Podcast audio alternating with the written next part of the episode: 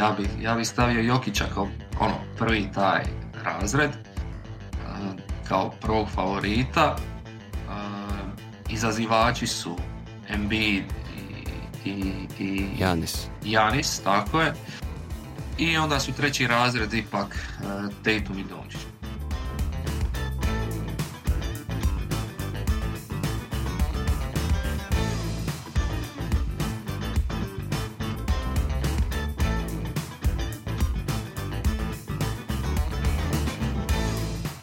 došli u drugu epizodu podcasta Najopasniji rezultat u produkciji velikih priča. Moje ime je Uroš Jovičić i bit ću vaš domaćin. Posle prve epizode u kojoj smo dosta precizno oslikali situaciju oko izbora za predsjednika Futbolskog saveza Srbije i time nastavili proces rušenja države, kako neki kažu, a mi se na to smemo, red je došao na sljedeću veliku sportsku priču. Bilo ih je tokom nedelje za nama nekoliko, bio je tu Beogradski košarkaški derbi i Matijas Lesor u punom sjaju, no kao od faza Lige šampiona, Hajdukovi juniori su se plasirali u polufinale Lige šampiona juniorske. Priprema se polako početak MotoGP-a, Gary Lineker je dobio nogu u dupe od BBC-a jer je rekao istinu.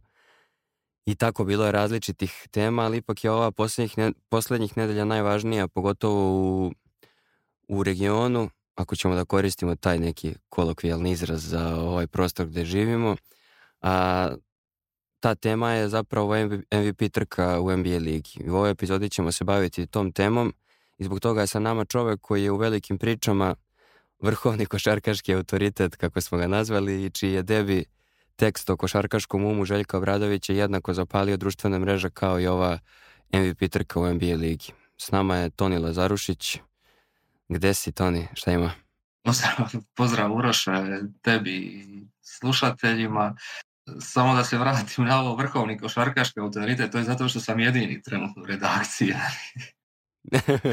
pa dobro, pišu i drugi ljudi o košarci, ali sam si sad ovim što si rekao da si jedini pokazao koja je razlika u tom pisanju. Ne, ovaj tvoj tekst je privukao ogromnu pažnju, imali smo brojne poruke, mailove, čestitki na Twitteru to su ljudi koji su na Twitteru aktivni primetili je bila baš eksplozija, tako da nekako je dobar momentum bio da se gađa ta čitalačka publika Crnobela i dalje traje taj momentum i trajeće delo je tako, tako da smo pogodili s tim, ti pripremaš i neke nove teme, ali pre toga ljudi će imati priliku da te čuju i u ovoj drugoj formi, tako da današnja tema nam je zanimljiva jer se ljudi ozbiljno pale na, na MVP trku i palili su se i pre Jokića. To je nekako za sve koji vole NBA i te nagrade individualne su uvek predmet rasprave, ali sad pogotovo od kad su tu neki igrači iz, iz naše komšiluka, iz regiona, od kad su oni u trci, to je posebno zanimljiva tema. Meni deluje da je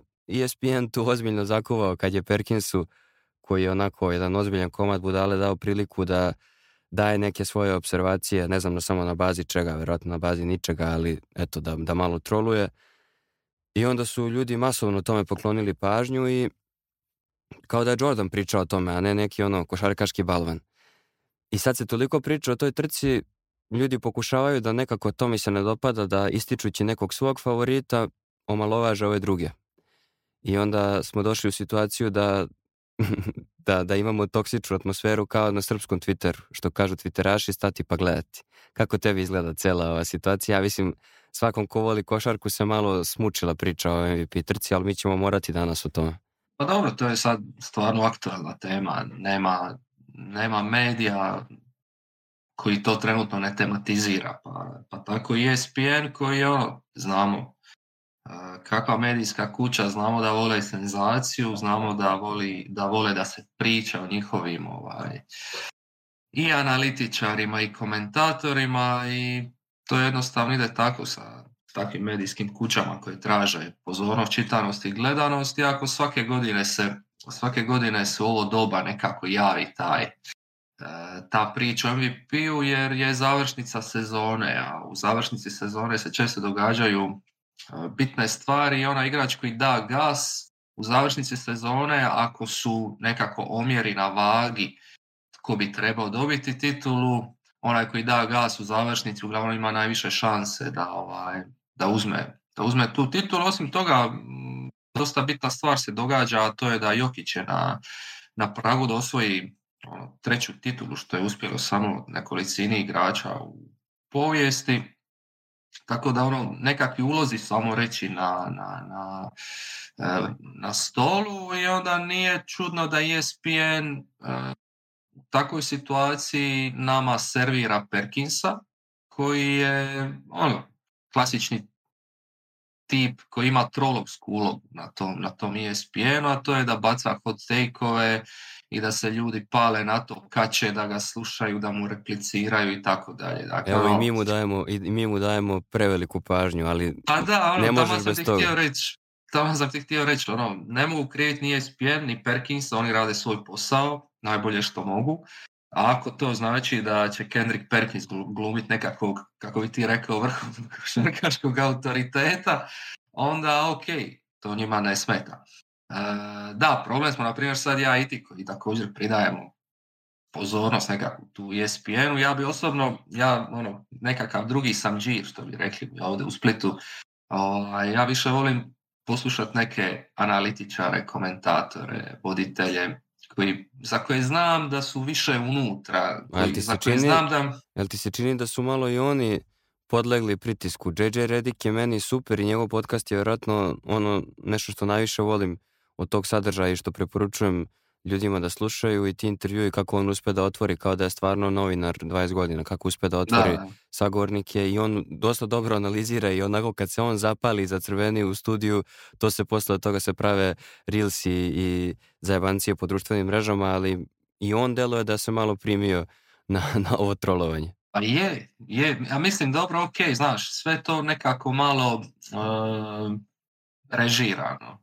JJ Redick nije bez razloga tu JJ Redick je tu da bude eh, da bude ravnoteža, da bude balans Perkins. Onda imaš jednog koji, eh, koji govori protiv nečega, govori negativno, a drugi govori afirmativno nekoj tebi. Dakle, to je ono čisto zbog showa, zbog zabave, tako. Dobro, zapadni Ali, mediji, duše... zapadni mediji vole taj, taj princip i Guardian to radi. Jedan opljuje film, onda se javi, onda se jave komentatori, šeruju, svi ga vređaju, onda se javi drugi autor koji kaže pa nije taj film toliko loš i mhm. onda se tako napravi priča. Pa to je očito nekakav modus operandi da tako medija, ne znam kako to drugačije objasniti. Evo možda sad ja i ti se zakačimo ovdje oko nečega, to je bilo baš super. Pa jedino, jedino oko ovog beogradskog derbija, ali nećemo o tome ovaj put.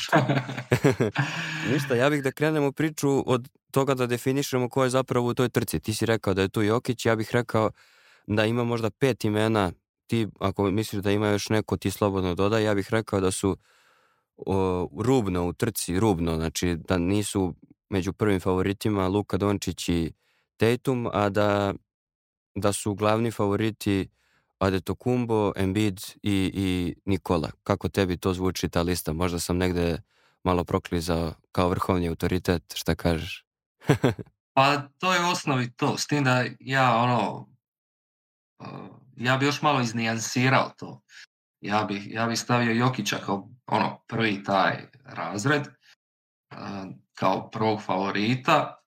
Eh, izazivači su MB i, i, i Janis. Janis, tako je. I onda su treći razred ipak Tatum i Dončić. Ali hoćemo, da, to... Hoćemo da krenemo od trećeg razreda, to mi je nekako... Da krenemo možda... Može, da Krenemo... Ali ali to, to, je, to tih pet imena. To je tih pet imena u kojima stvarno sva, svih, sva petorica su imali ili imaju e, vrhunske sezone. E sad, ono, detalje nekakvi odlučuju, sve ovisi što ti, što ti uzimaš kao kriterij za vrednovanje. Ono. Da, Svaki ti ima kriterije. klizni vrlo. Da, da, i, i zato, mislim, to je ono, to je ono uvijek priča s ovim i nagradama i all-star izborima i tim. Tamo gdje nema striktnih kriterija po čemu se nešto ili nekoga bira, onda kriterij može biti bilo što, tako da ono, sve to glupo je reći, ono, odnosno e, relativno, ali doista tako je. Jeste, jeste. E sad vidi, krenuo bih od Dončića, to ne mora ni da se krije, nema tu neke potrebe za nekom objektivnosti, ja sam, to je moj omiljeni igrač trenutno na planeti, tako da možemo da, pošto sam ja domaćin ovog sku, organizator ovog skupa, što kaže onaj na YouTube, tako da krenut ćemo od Luke. Meni je, meni je ono, zanimljiva jako ova njegova sezona, jer je predigra za nju bio onaj Eurobasket, sećaš se njegove poslednje utakmice protiv Poljske, gde, gde Slovenija ima ono ogroman zaostatak, pa se vraća, on šepa celu utakmicu i celu utakmicu nešto mlati rukama, ne može da hoda, pogađa, pa onda ne pogađa ništa, pa forsira, pa se nervira, pa preuzima odgovornost. Baš je delovalo onako frustrirajuće i taj početak sam, on dolazi, meni deluje sa viškom kilograma. Dobro, on svaki put dođe sa viškom kilograma, ali, znaš, kao sporiji početak i onda se zalaufa i u jednom trenutku deluje čovjek kao da može da igra sam protiv svih ima onu, onu ludačku utakmicu od 60, 20, 10, mislim da su to bili brojevi da, mhm. gde kaže ono, ono mučeniku koji, kojem daje intervju posle utakmice kaže čovječe pusti me popijem pivo, nije mi dobro. Mislim, meni je taj njegov pristup i to što ono, znaš, kad ono vikne, pusti srpsku muziku i što se on uopšte ne, ne libi da pokaže šta je. Nema tu sad foliranje nekog, nekog uvlačenja i podilaženja on je to što je, igra tako kako igra, kome se to sviđa super, kome se ne sviđa to kako se ponaša, što mlati rukama, što se žali, ne sviđa se i to je to, neće menjati te stvari. Ok, mu možda ne ide uvek u prilog, ali nekako je autentičan. Kako tebi izgleda ova njegova sezona? Mislim, čim smo ga stavili na ovu listu, znači da je dobra, ali daj malo taj stručni... Optužili su nas, brate, za fetišizaciju e, redakcije, tako da sad imamo jednog takvog eminentnog stručnjaka, spoljnog saradnika da malo detaljnije objasni, da ne bude sve fenomeni i šta ko od nas voli, nego da čujemo malo stručnu analizu. Kako ti deluje sezon? Pa, prvo bi se složio s tobom da je i oni, ako ćemo u kraju slučaju pričati o Jokiću su ono, baš autentični likovi koji imaju neku posebnu karizmu, svaki na svoj način. Joki, e, Dončić je ono što bi se, što bi se kod nas u Slavoniji reklo bečar. Znači, on je frajer kojem treba pivo nakon utakmice, koji će izaći u kafanu s prijateljima i koji će proslaviti ono to na, na taj nekakav način. Onda kad dođe doma će pojest nešto nezdravo i to je to. Jednostavno je takav. E sad, to, to ima nekakve svoje druge potencijalne ovaj, posljedice, a to da, da se ozljede možda malo više lijepe na njega zbog takvih stvari, jer on nije klasična atleta. On nije klasična NBA, ono prototip NBA atleta, sklesan u mišiće. Iako je jak, eh, prilično, što se, on je, što se On je tank, ne, on je tank, on je tank, ali gledao čisto ono atletski, eksplozivno i to i, i, i konstitucijom tjelesnom nije, ono, nije, nije klasična NBA atleta, sportaš ali ima neke druge za to kvalitete. Da, on, on skoro svaki put u trening kamp dođe sa viškom kilograma, što je posljedica tog njegovog bečarenja, jeli? I onda na početku sezone na treninzima je stalno zamotan one nekakve majice, nosi duge majice, da, da, uske, valjda da se više znoji, ne znam, izgleda ako mumija. svemu tome, ali frajer opet e, isporučuje. to, je, to je kod njega fascinantno. Kao, kao James Harden ono, prije. Kad bi se pojavio s viškom kilograma, počne sezona, vidiš na njemu stomačinu, ali frajer isporučuje.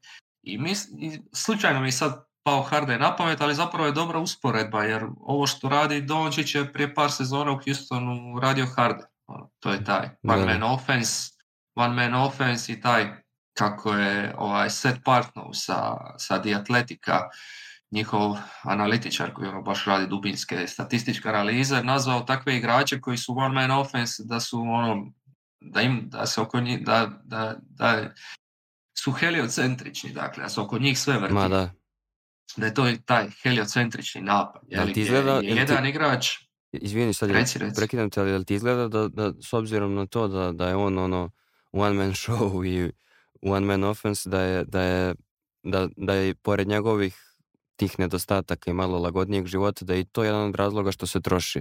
Nekako, evo, 70 utakmica ili malo manje je odigrano i već vidiš njegov pad i otprilike deluje mi kao da kad se povežu playoff prošle sezone, to, ta letnji angažman i ovo sad, ova sezona, bojim se da će sa malo goriva ući u, u playoff ako uopšte Dallas uspe da se izbori za, za playoff s obzirom da su krenuli malo da klizaju. Mislim, djeluje li tebi da je, to, da je to posljedica malo, pošto on, ti si tu izdvojio neku statistiku koliko on zapravo uzima napada da sam rešava, to mi je zanimljivo broj. Da, da, da, on, on trenutno uzima, dakle kad je na parketu, kroz njega ide 38% eh, napada Dallas. Dakle, skoro svako četvrti napad ide kroz njega. Što znači kroz njega? Da on završava šutom, slobodnim bacanjima ili da izgubi loptu ili napravi faul u To, to, to, se podrazumijeva pod ovim usage rate da. E, ali to je ogromna brojka. Lani je bio na 37%, prije dvije sezone na 36%. I to su lani bili rekordi u, cijeloj ligi. Znači on podiže to dakle, iz godine u godinu. Da, on, on to podiže. Sad, tu sad možemo pričati o tome je li to dobro ili nije za njega. Je, dobro je zato što mu to stvara reputaciju, e, donijet ćemo bogate ugovore, stvara legacy i tako dalje. Međutim, nije dobro upravo zbog toga što si ti rekao što se previše troši. I kad to mora doći na naplatu. Hoće li to doći u sredini sezone kada će, kada će skupiti neku ozljedu ili će doći u play-offu kada više neće moći fizički izdržati e, takav stil igre. E, upitno je, ali jedno mora doći. Od njega je sad isto sastavila ozljeda što je sigurno, jedan od razloga je sigurno taj zamor materijala. A recimo, recimo da, je, da je u ovoj trci on, on u tom trećem rangu i zbog toga, pored te povrede i toga što s vremena na vreme izostaje sa terena i to što dala su ne ide baš najbolje, i tu možemo da se mhm. malo osvrnemo i na ovaj trade koji su oni napravili, doveli su Kairija, neko se zvezao da je Kairi došao tu samo da bi istražio atentat na Kennedyja, brate, nije tu sve kako treba. Pa da, da čovjek koji zna sve o svemu, da malo to razmotri, ali u svakom slučaju on meni deluje prilično motivisano i do, do duše Kairi uvek kad se negde pojavi na samom početku izgleda motivisano i da, izgleda da je sve ok, ali me zanima kako tebi izgleda sad njihova struktura rostera, realno su svog najboljeg defanzivca i čovjeka koji je tu bio ključ na tom delu terena poslali u Nece, tako da u ovom trenutku deluju kao tim koji ima one man offense i e, nema ni jednog igrača koji će da igra odbranu. Da. Dobro, sad mm, mislim, Luka je lani naučio super funkcionirati s Bransonom. Da, to je. koji je sad u Nixima i koji igra stvarno vrhunsku sezonu, gotovo na all-star level. E, tako da njemu Kairi ne bi trebao predstavljati nekakav novitet, s tim da opet tu uvijek postoji pitanje kako će ta dva igrača pronaći kemiju između sebe i mogu li uopće pronaći. Tako da to je, to je sad neko pitanje, to je još uvijek e, proces. Po onome što sam ja vidio u njihovoj utakmici, to je još uvijek proces. Još uvijek igraju, e, znaš kako se kaže, malo jedan, malo drugi. Pa da. ja sad igrat malo ti. Tu vidiš da još uvijek nisu igrani, da još uvijek nisu pronašli kemi. To je ono, kad se igra tako malo ja, malo ti, znači da još uvijek još uvijek treba vremena da tu, da tu stvari legne. Sad problem je što ni jedan ni drugi nisu pouzdani defender, iako u play jedni drugi, jedan i drugi se mogu dovesti do toga da budu barem, barem neutralni, odnosno da ne štete da ne budu, svojim da, ekipama. tako, je, tako je, da ih se ne možemo baš brutalno eksploatirati. Luka posebno, jer on stvarno ima alati da svića i da... I telesinu ima. Dakle, on može stvarno obavljati puno zadataka u obrani i Problem je jedino kad naiđe na brže igrače koje ne može čuvati, problem je kad mora zaštititi obruč, to mu isto teže ide, ali mogu, može biti neutralan, barem neutralno, obramben igrač. E, I to je sve ok, ali i Irving je njemu bio potreban upravo zbog toga što si ti rekao previše se troši, trebamo još jedan igrač koji će skiniti malo tereta s njega. Kao što je Lani bio Branson. E, međutim, problem je na drugoj strani parketa. Oni imaju, ja mislim, 23. obranu lige. Lani su bili jedna od boljih obrambenih ekipa. E, baš su se ubijali od obrane. Ove sezone nije tako. Izašlo je puno negativnosti ovaj, na vidjelo od toga da nemaju opet zaštitnika obruča jer je Kleber dugo ozlijeđen. Ali nekako, brate, kad, kad Kleber treba da bude igrač na koga se oslanjaš u tom je, smislu, je, je, je. To, smo došli? To je, sad problem te konstrukcije rostera koju si ti, koju si ti spomenuo. ovaj roster koji su oni imali na početku ove sezone dosegao svoj limit lani, kada su igrali finale konferencije. Ne znam zašto su mislili bez Bransona i samo s Woodom kao nekakvim pojačanjem da će moći izvući nešto ove sezone. Kada je bilo u startu jasno da ako si lani došao do nekakvog pika vrhunca, nakon toga po zakonu, po logici nekako možeš samo dolje. Pa naravno. I, to je... Osim ako ne napraviš ono- neke drastične promjene. Tako je, a oni nisu napravili i zato, im je zato su sad doveli Kairija da, da pokušaju nešto tu da, ja mislim da smo, malo Da smo Luku nekako fino obradili na ovom početku, pa možemo da se prebacimo na, na jednu potpunu kontru u odnosu na odbranu Dalasa, na odbranu koja je prošle sezone. Ja mislim da je to jedna od najboljih timskih odbrana koje sam ja gledao u životu. To što su Celticsi radili u playoffu prošle godine, šta su radili i pojedinačno određenim igračima, kako su izmaltretirali Durenta u onoj seriji, kako su generalno igrali timsku odbranu i kako igraju i ove, i ove sezone kako su nastavili, da se prebacimo onda na njihovu prvu violinu na, na Tatuma.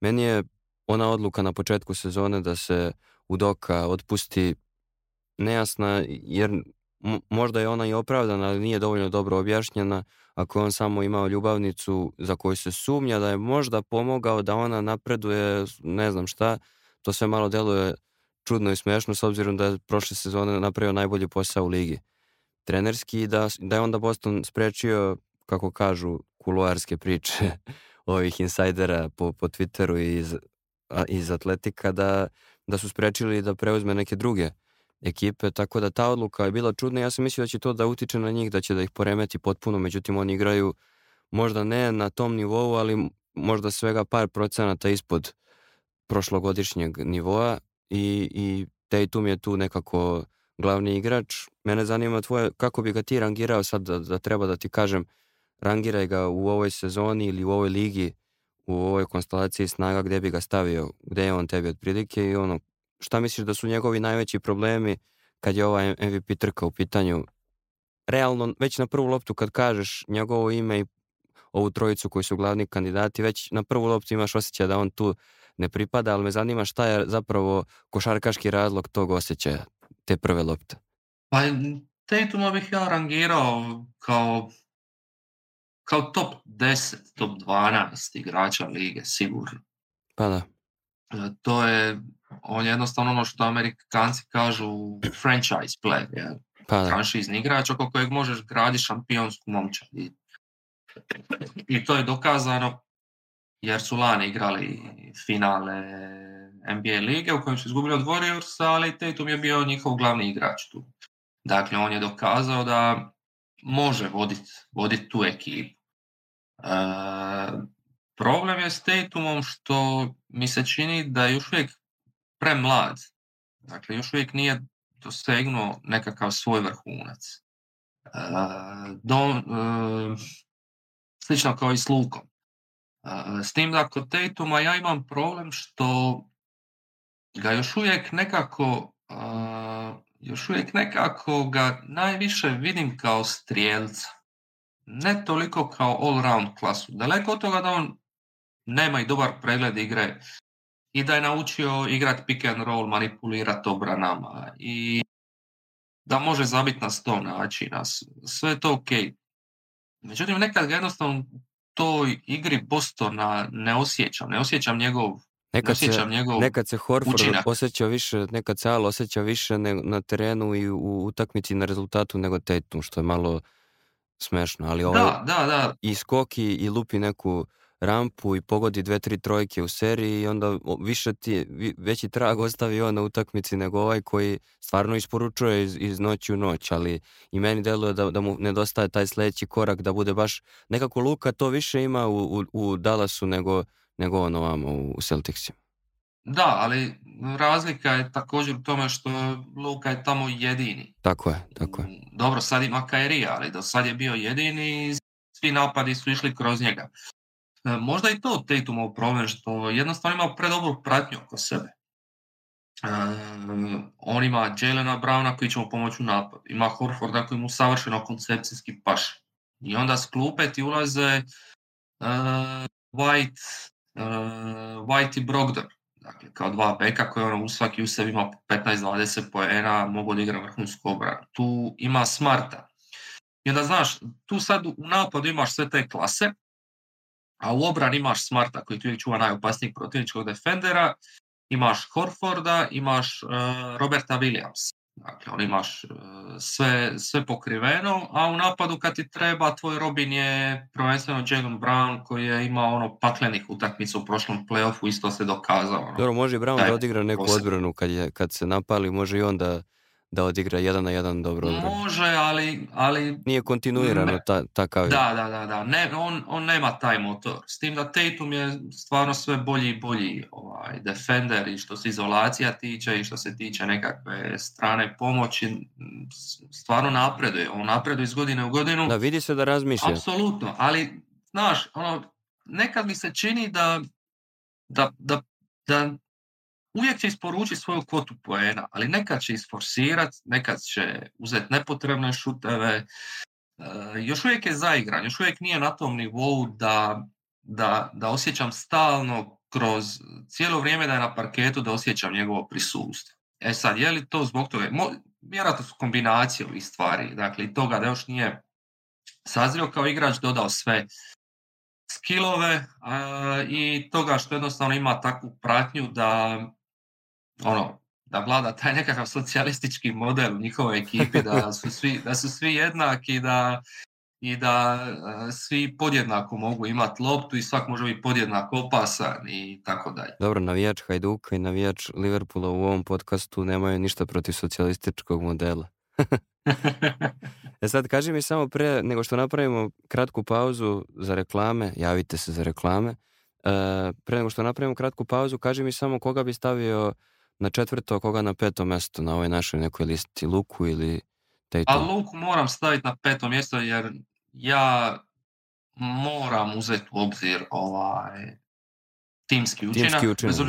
bez, obzira što, smo rekli da, da taj roster nije dobar i da je lani, da je već trebao lani, odnosno na ljeto je trebao biti e, prodrman, ali a Tatum mora na četvrtom mjestu jer je Boston trenutno drugi na istoku i stvarno igrao dobro i u pa obrani u napadu. Tako da, a on je ipak glavni igrač. Da, logičan izbor. Idemo na kratku pauzu pa se vraćamo na glavne favorite.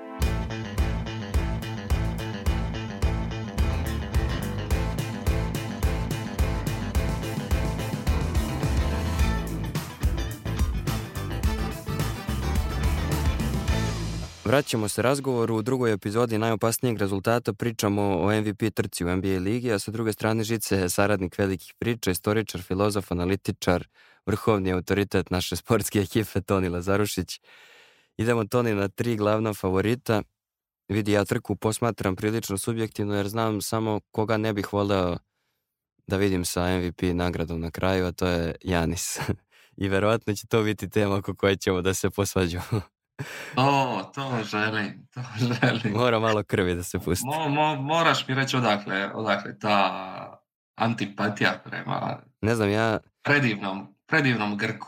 Ja, ja imam inače super odnos prema tim toplim ljudskim pričama, to kao on je i prošao Golgotu da bi došao do toga da sada bude dominantan, da bude sjajan, ali mene, ja kad god pomislim na njega, meni prođe kroz glavu ona scena u Bablu kako Miami gazi kako on ne može da pogodi ništa, kako se stegao, kako se nekako sav uplašio.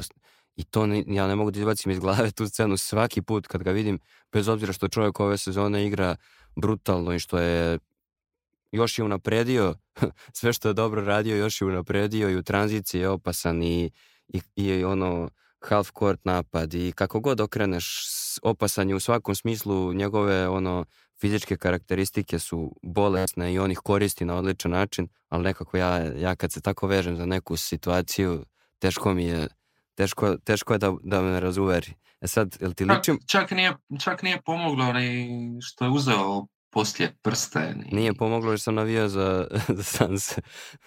Tako da nije mogla pomogne nikako. A kaži mi, jel ti liči na, na, na, nekog šeka novog doba? Jer ima tako te neke nenormalne fizičke predispozicije koje koristi na sjajan način i opet nema baš toliki problem u šutu sa malo veće distance, ali dešava mu se da zakamenja i on. Jel ti liči malo na Šeka to? Ili je to malo mm. klimavo poređenje? Pa nije, nije klimavo. Nije klimavo. Šek je u svojoj eri bio i možda je uopće ikada e, najveća sila ako gledamo samo sirovu snagu, fizikalije i taj način kako je dominirao, kako je razbijao svoje čuvare. Janis je isto to.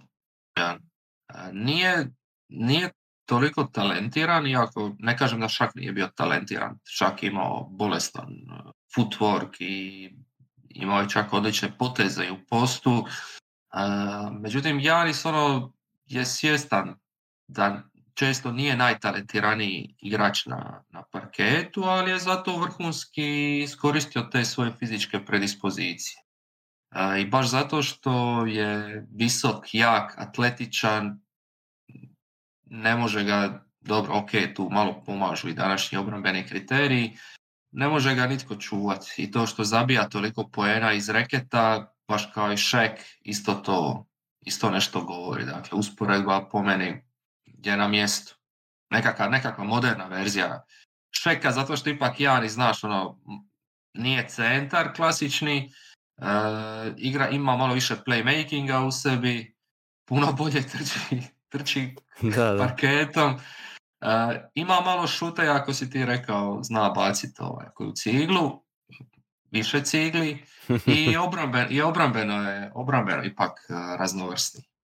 Ali to je opet kažem razvoju zato što nije centro, ipak više krilo. Ali sad kad malo sklonimo po strani te subjektivne moje, taj subjektivni odnos prema njemu i, i taj odnos prema toj slici iz babla koju ne mogu da izbrišem, igra čovjek sjajnu sezonu i kako smo pričali ti ja i ranije kad smo razgovarali o ovoj sezoni shvatamo ga zdravo za gotovo, realno ga ljudi shvataju kao da je to nešto što on radi, nešto što se podrazumeva kao da, on je, on je trenutno došao, ja bih rekao, u nekakvu e, Lebron uh, fazu.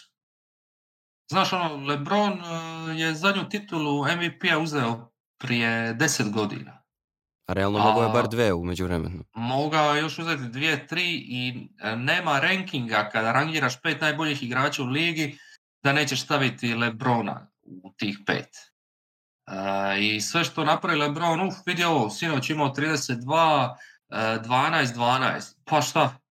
Kao ono, to je postalo normalno i to govori dosta o, o klasi igrača.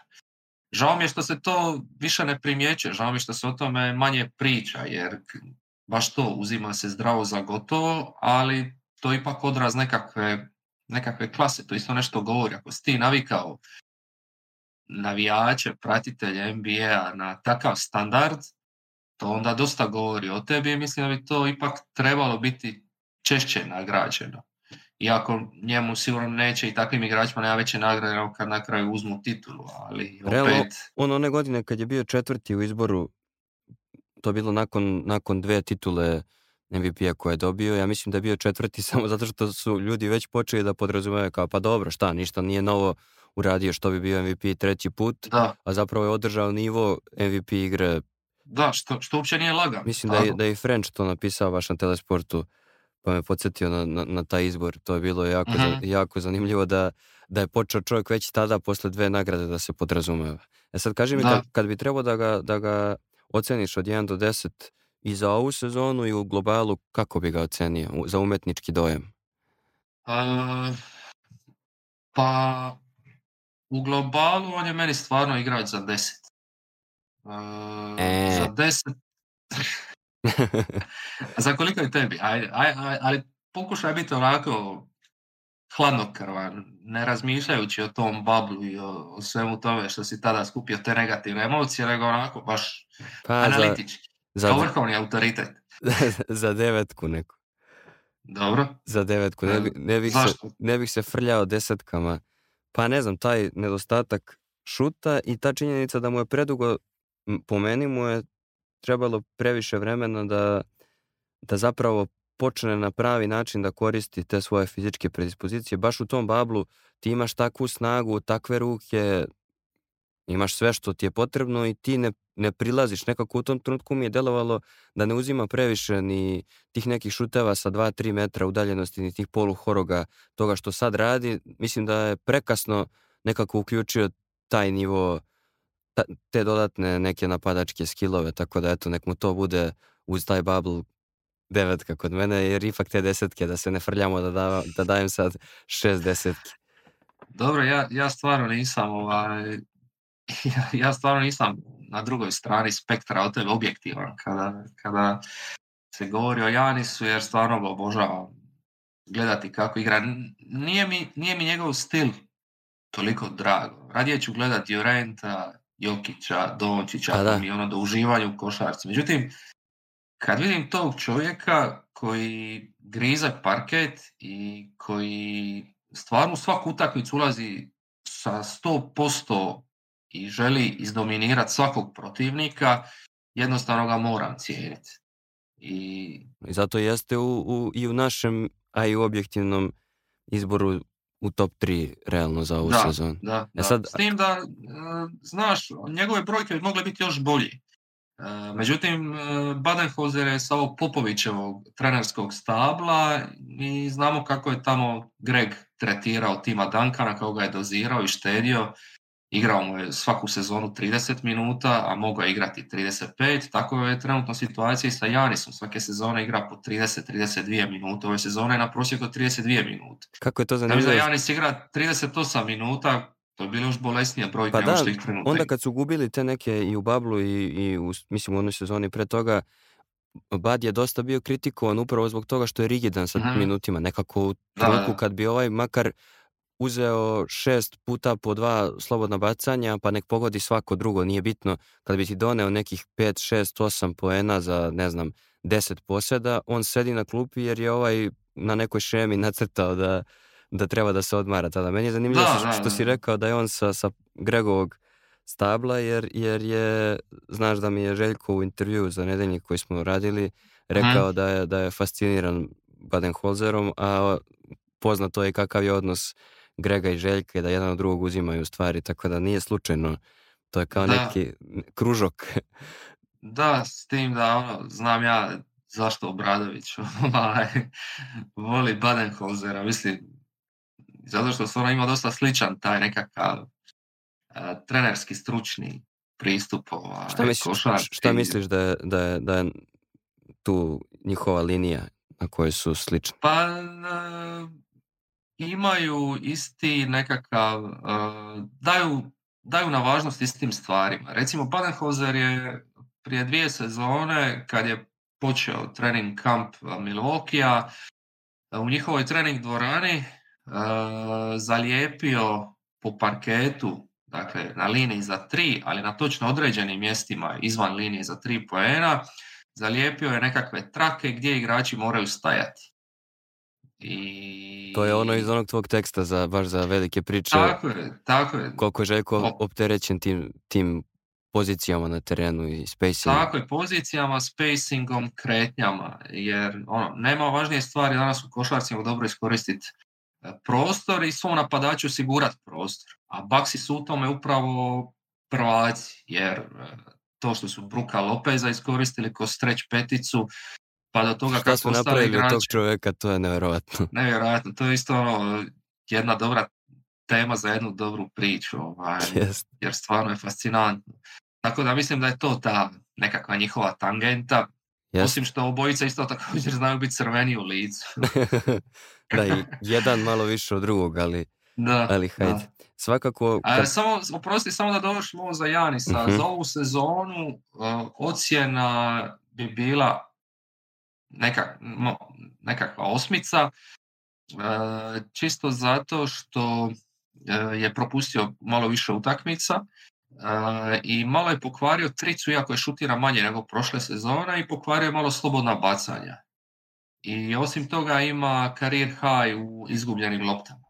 Dakle, da, jeste. To su ipak nekakvi, nekakvi negativni, opet, negativni elementi. Opet, pošto, pošto je toliko opasan i pošto stvarno predstavlja neverovatnu pretnju kako zakorači na teren, meni je nekako i logično da, da pravi malo više grešaka s obzirom. Nisam siguran kakav je procenat. I nema Middletona, to isto treba koliko napada ide preko njega u odnosu na prošlu godinu, da li je više ili manje, ali o, kroz njega kao što smo pričali za, za Luku, ali, ali mislim da nekako mi je i logično, pošto odgovornost i to što kažeš nema Middletona, znači sva odgovornost je na njemu ili skoro sva, onda je i logično da pravi greške. A da se prebacimo sad na, na ovog sljedećeg kandidata koji jednako grize parket i koji je stvarno na, na obe strane terena ove sezone jako dobar. Meni je to lična satisfakcija jer sam ja kao neki hajde da, da nazovemo navijač Sixersa od, od kad sam dobio Iversonu dres kao klinac i, i kad, kad je bio ono trust the proces, kad je, bio, kad je bila ta priča u, u, još uvijek u jeku,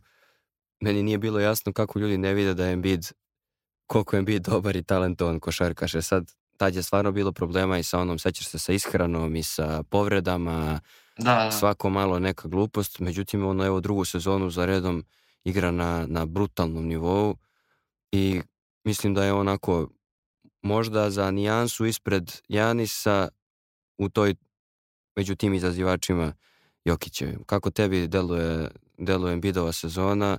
Evo, danas sam vidio na Twitteru ono, posljednjih deset utakmica, to su neke bolesne brojke, ali nisu samo brojke, on stvarno i o, neki odlučujući potezi koji možda ne mogu ni da se izbroje E, neki blokovi, neke, neke izolacije koje on koristi na način na koji koristi, kako pokriva, kako brani obruč. Meni je sve to jako zanimljivo, pa me zanima kako tebi izgleda ova njegova sezona. Um, imao je dosta onako malo spori ulazak u sezonu. Da, e, Malo spori ulazak u sezonu jer mi se činilo da nekako e, forsira i da opet nije fizički spreman. Kao da se nakon prošle sezone naljutio što nije dobio tu MVP titulu pa se vratio ovaj put željan dokazivanja, onda je ušao malo, malo naš eh, ad hoc to sve.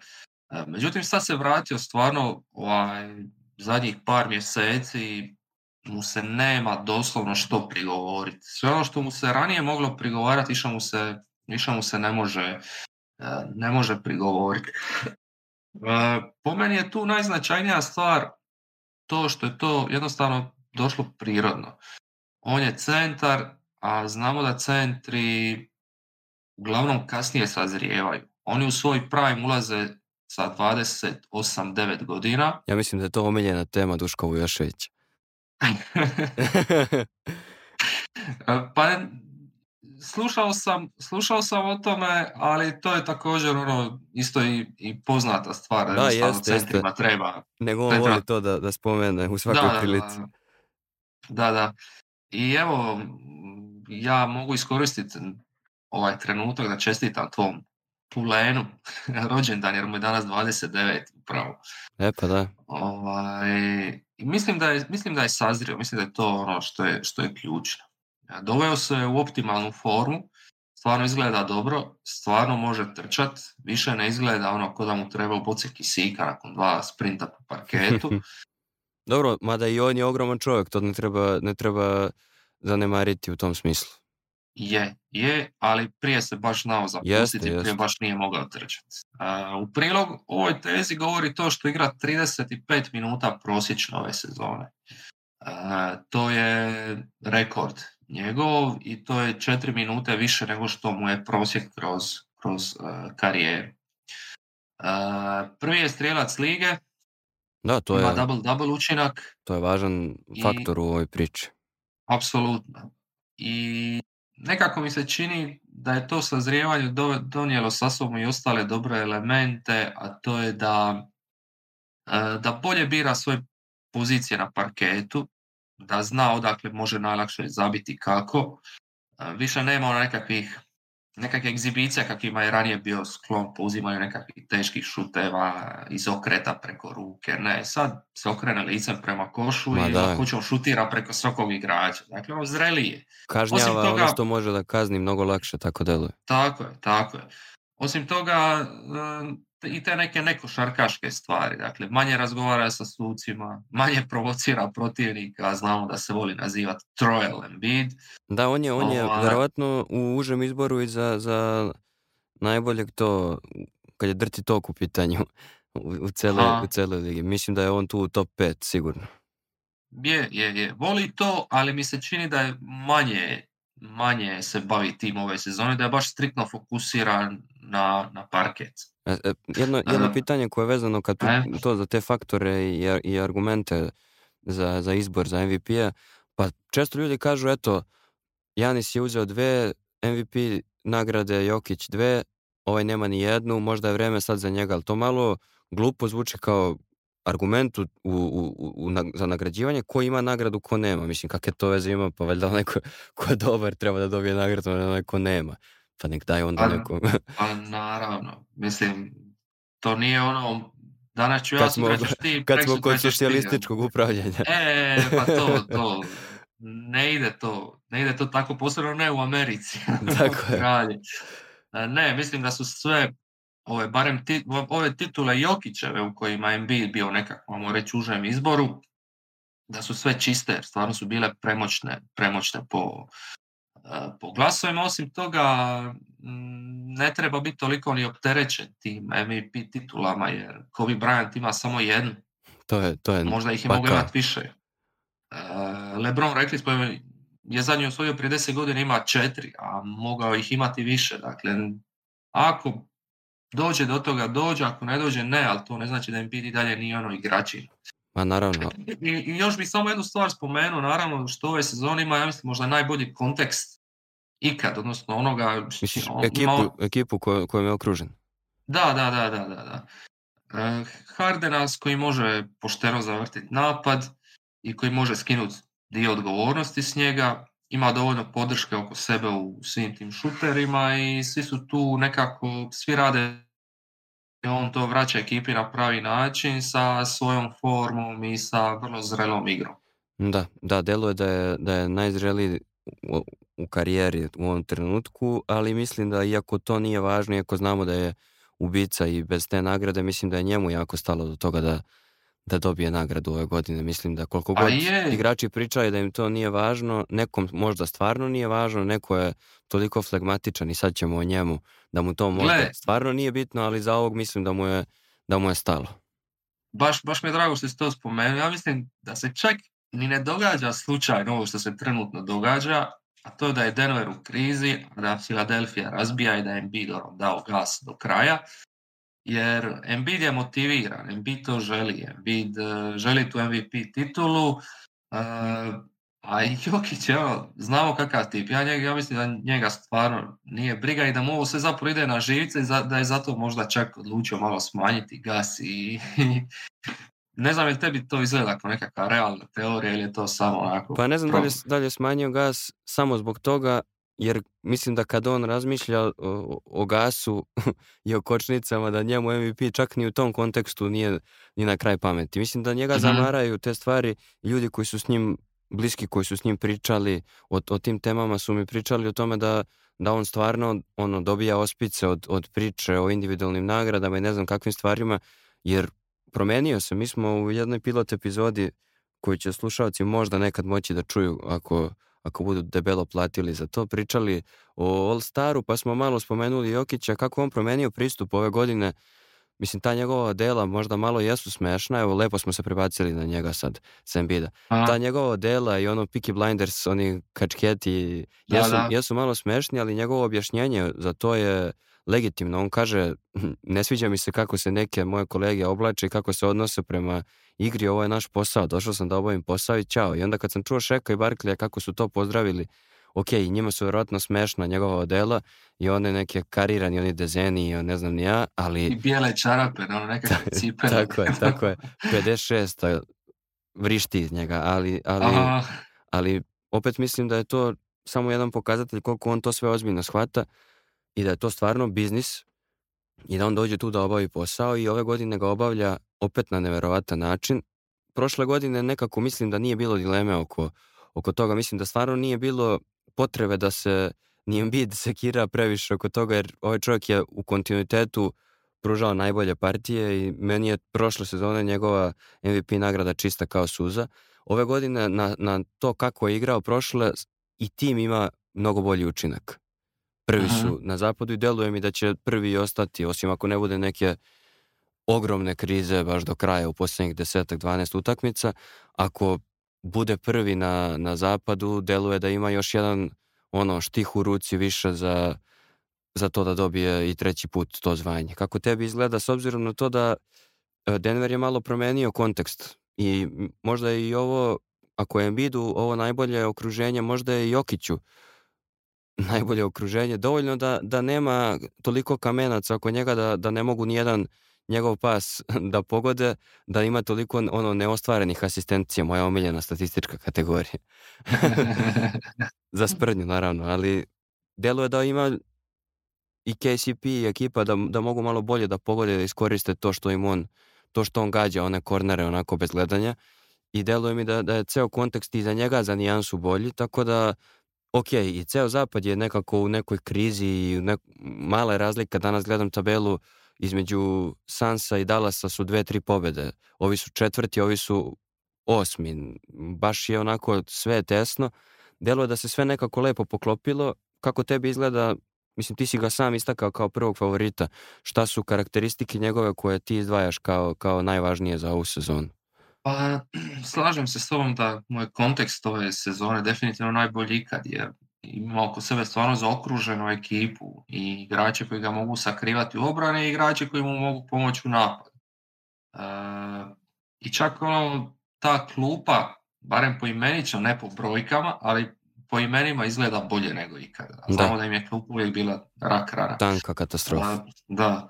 E, što se njega i ove sezone tiče, on je samo nastavio tamo gdje je stao, samo kao što si ti rekao, sada se to može puno bolje kvantificirati kroz timski učinak. Ali on opet e, igra svoju igru i igra ono što bi se reklo pravu košarku, jer, e, jer istovremeno će ako treba zabijati, zabit. Ako treba asistirati, asistirati. E sad, sa drugim problem su se pojavile priče da je mekan, da mu fali agresivnosti nekad, pa onda nekad namjerno želi asistirati, više neće da uzme šu da bi došao do triple double. Ono, ljudima, ljudi sad su počeli već malo tražiti lake u jajetu. I, teorije zavere. Teorije zavjere i sad gledaju sve pod, pod ljudima ne možeš, ljudima ne možeš ugoditi. Međutim, e, Jokić, za razliku od svih ovih ostalih kandidata, ima jednu super prednost, a to je što on ne troši toliko posjeda kao ostali. On, mislim, da troši ispod 30% napada Denvera, što je ono puno manje i od Dončića i od Janisa i svih koji, koji smo koji smo pa ranije Rekao bih da je, prvi, da je njegov prvi pratilac lošiji nego prvi pratilac svakog od ovih ostalih. Tako je, tako je. A on opet daje prostor ekipi da, da, da i kroz njih malo se napadi završavaju i on onako, ok, dešavaju se, dešavaju se neke utakmice u kojima imaju možda za nijansu više izgubljenih lopti nego što, što se očekuje, mm. ali to, je, to su one situacije kad on šine, kako on kaže, loptu u korner, pa tamo nema nikog igrom slučaja. Ali to su, to su stvarno redke situacije u kojima on pravi neke tako greške iz neke ne mogu da kažem nespremnosti, nego kao da on je uvek spreman, deluje da, da zna sve akcije i to je pričao i svoje i tuđe na pamet. Redko kad iz neke bahatosti igračke, ali tako da kažem, ili neke samoživosti. Kod njega baš toga nema, baš deluje da je potpuno posvećen ekipi i to je već ono i opšte mesto kad je on u pitanju. Znaš što mene zanima? Mi smo, ima od tad već dve godine, ja mislim, za nedeljnik, ti si bio sagovornik, ja sam kao autor pisao o, o Jokiću, pa smo to posle plasirali i, u Americi taj tekst, bilo je zanimljivo kako su reagovali. Ti si tada analizirao kako je on, eh, kako on pokriva svih pet pozicija. Objasni, naš ono, eh, stare teme, novi slušalci i Objasni ljudima mhm. ukratko kako on zapravo ima tu sposobnost da pokrije svih pet pozicija na terenu. To sam upravo eh, sad nisam na njegovom primjeru, jednom malom ulomku za novi tekst za velike priče spomenuo, da se danas često priča o košarci koja se igra bez pozicija. Dakle, ta positionless košarka. Međutim, po meni bi puno kvalitetniji termin bio od positionless nekakva multipozicija. E, odnosno da jedan igrač može igrati multipozi- više pozicija i to je upravo Jokić. Da, on je ono e, primjer toga baš. On je ono baš, baš klasični primjer i to centar, što je ono još, to ga čini još više posebnim. Da, u tom tekstu za nedeljnik koji smo ja i ti radili smo baš napisali da, e, da on može igrati kao back, jeli, zbog tog svog playmakinga i evo i ove sezone brojke su brutalne. Dakle, on je, on je zaslužan za 46% svih poena Denvera koji su asistirani. to je nevjerojatno. Dakle, to je, to je stvarno nevjerojatno, posebno za jednog centra. E, može igrati kao back shooter nekakav, ajmo reći, zato što to je ono se može... Postavljaju blokove za njega da on izađe. Tako je, tako je. To može igrati kao krilo, zato što može bez problema rješavati nekakve da, izolacijske da smo, stvari. Da smo tu crtali neke akcije koje, koje još Oklahoma igrala za Durant. Je, to je, je ta takozvana Oklahoma akcija ili Dunker Pin akcija, tako, se zove, jer jer se postavlja u blizini obruča blok, igrač istrčava prema liniji za slobodna bacanja, tu prima loptu i šutira. A Jokić ove sezone malo smanjio šuteve za tri poena, poveća malo punu distancu i to mu skroz dobro leži. E, efikasnije kad tako igra. Yes. Mislim, mislim, čovjek ima 70% Pazi koje su to, koje su to razine, razine efikasnosti. 70% e, ima ovog true shooting percentage odnosno ovog, ove brojke koja uzima u obzir uh, za dva, šutave za tri slobodna bacanja. 70%, to je najbolji učinak u ligi. Ima nevjerojatan osjećaj, to kad kažeš šutevi sa polu distance to, baš se vidi da ja ne znam da li neko u ligi ima, a ima vrhunski šutera i vjerojatno najbolji ikada je trenutno aktivan u ligi, ali nevjerovatno kako Jokić ima osjećaj s tom loptom. Ja mislim da mu daš i po moranđu i ono pilate s loptu da bi jednako pogađao s njima. To, to je... Ja iskreno nikad, nikad nisam vidio igrača s mekšim. Tako je. E, s mekšim osjećajem za finiširanje pored obruća. Mislim da je to i ono vaterpolo igralo jeli, nekakvu ulogu. Mislim da sam on prije bavio Waterpolo, tako, ili, ili sam ja to nešto ovaj, pa iskreno ti kažem, s nekim drugim. Ja, ja nemam, nemam tu informaciju, mada me ne bi čudilo i po konstituciji kako je, kad je, kad je prešao u Megu, kako je izgledao. Više ličio ono na trpolistu nego na košarkaša. Ali stvarno, mislim, sve to utječe. Viš da on, viš da on osjetio da na trici nije toliko dobar i onda se pomaknu dva koraka unutra i tu je ono elita realizator.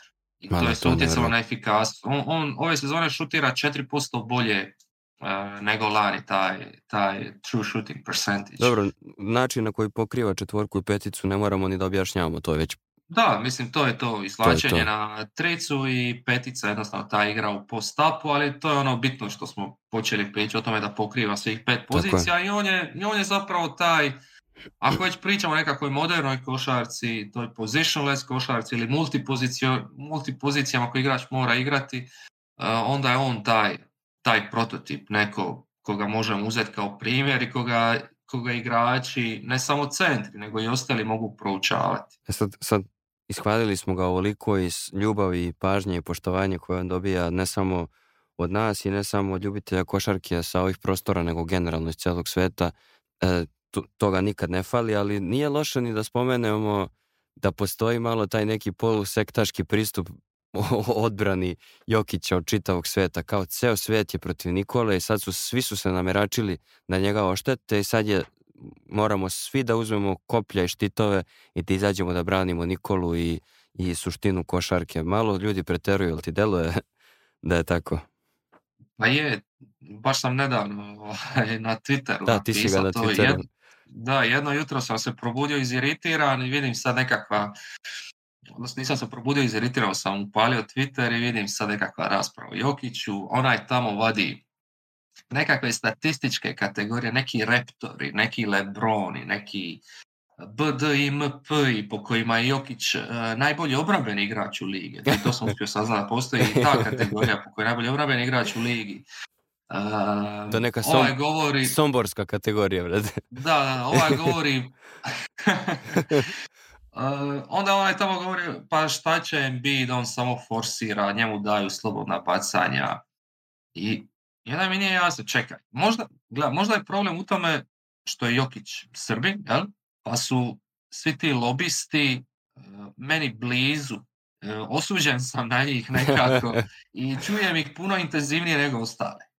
Možda je to moj problem. Možda u Americi postoje Embiidovi, Tatumovi lobisti, tako da mislim sigurno postoje, ali Jokićevi su mi nekako u fokusu, ne mogu ih izbjeći. I malo se, malo se pretjeruje s tom advokaturom jer smeta mi, gle, ok, možeš ti braniti Jokića, ali brani ga tako da ističeš njegove pozitivne strane, nemoj isticat Embidove loše karakteristike. A to smo onda nisi, da, Nisi ništa drugo nego kao i taj tip s kojim se svađaš koji blati Jokića.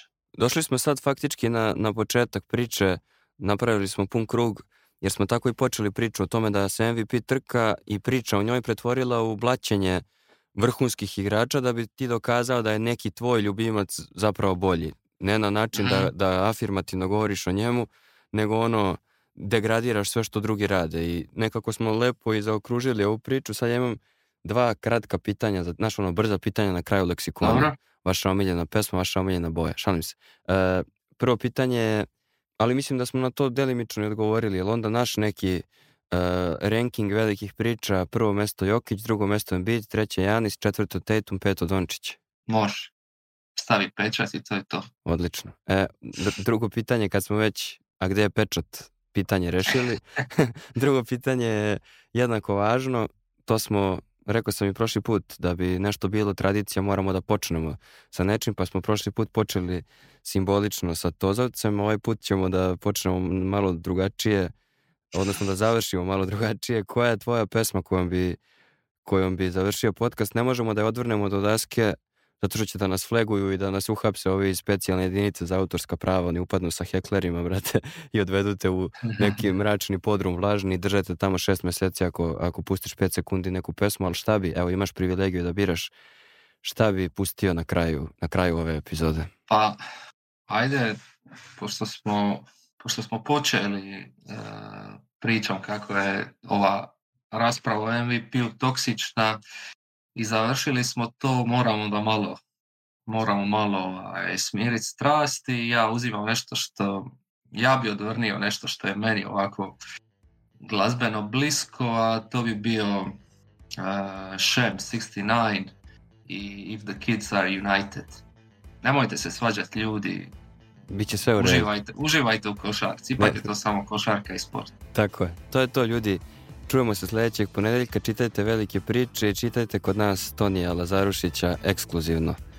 Hvala ti što si bio moj gost i ko domaćin i nadam se da se kad bude to posao u Beogradu vidimo da uživo snimimo neku epizodu.